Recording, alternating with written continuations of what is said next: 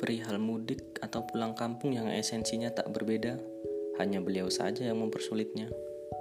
Bisa jadi kamu salah satu orang yang beruntung dapat merokok bersama bapak di rumah panggung sembari menyeduh kopi buatan ibu, atau sekadar membantu adik memakaikan sarung.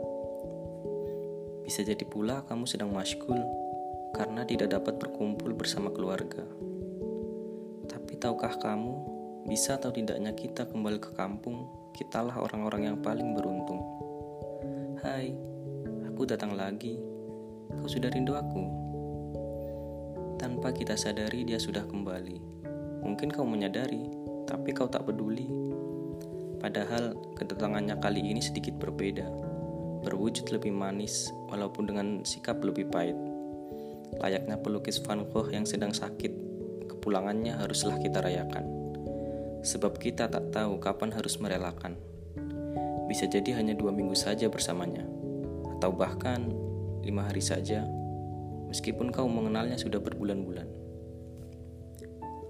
Maka sudahilah sedihmu yang belum sudah, segera mulailah syukurmu yang pasti indah.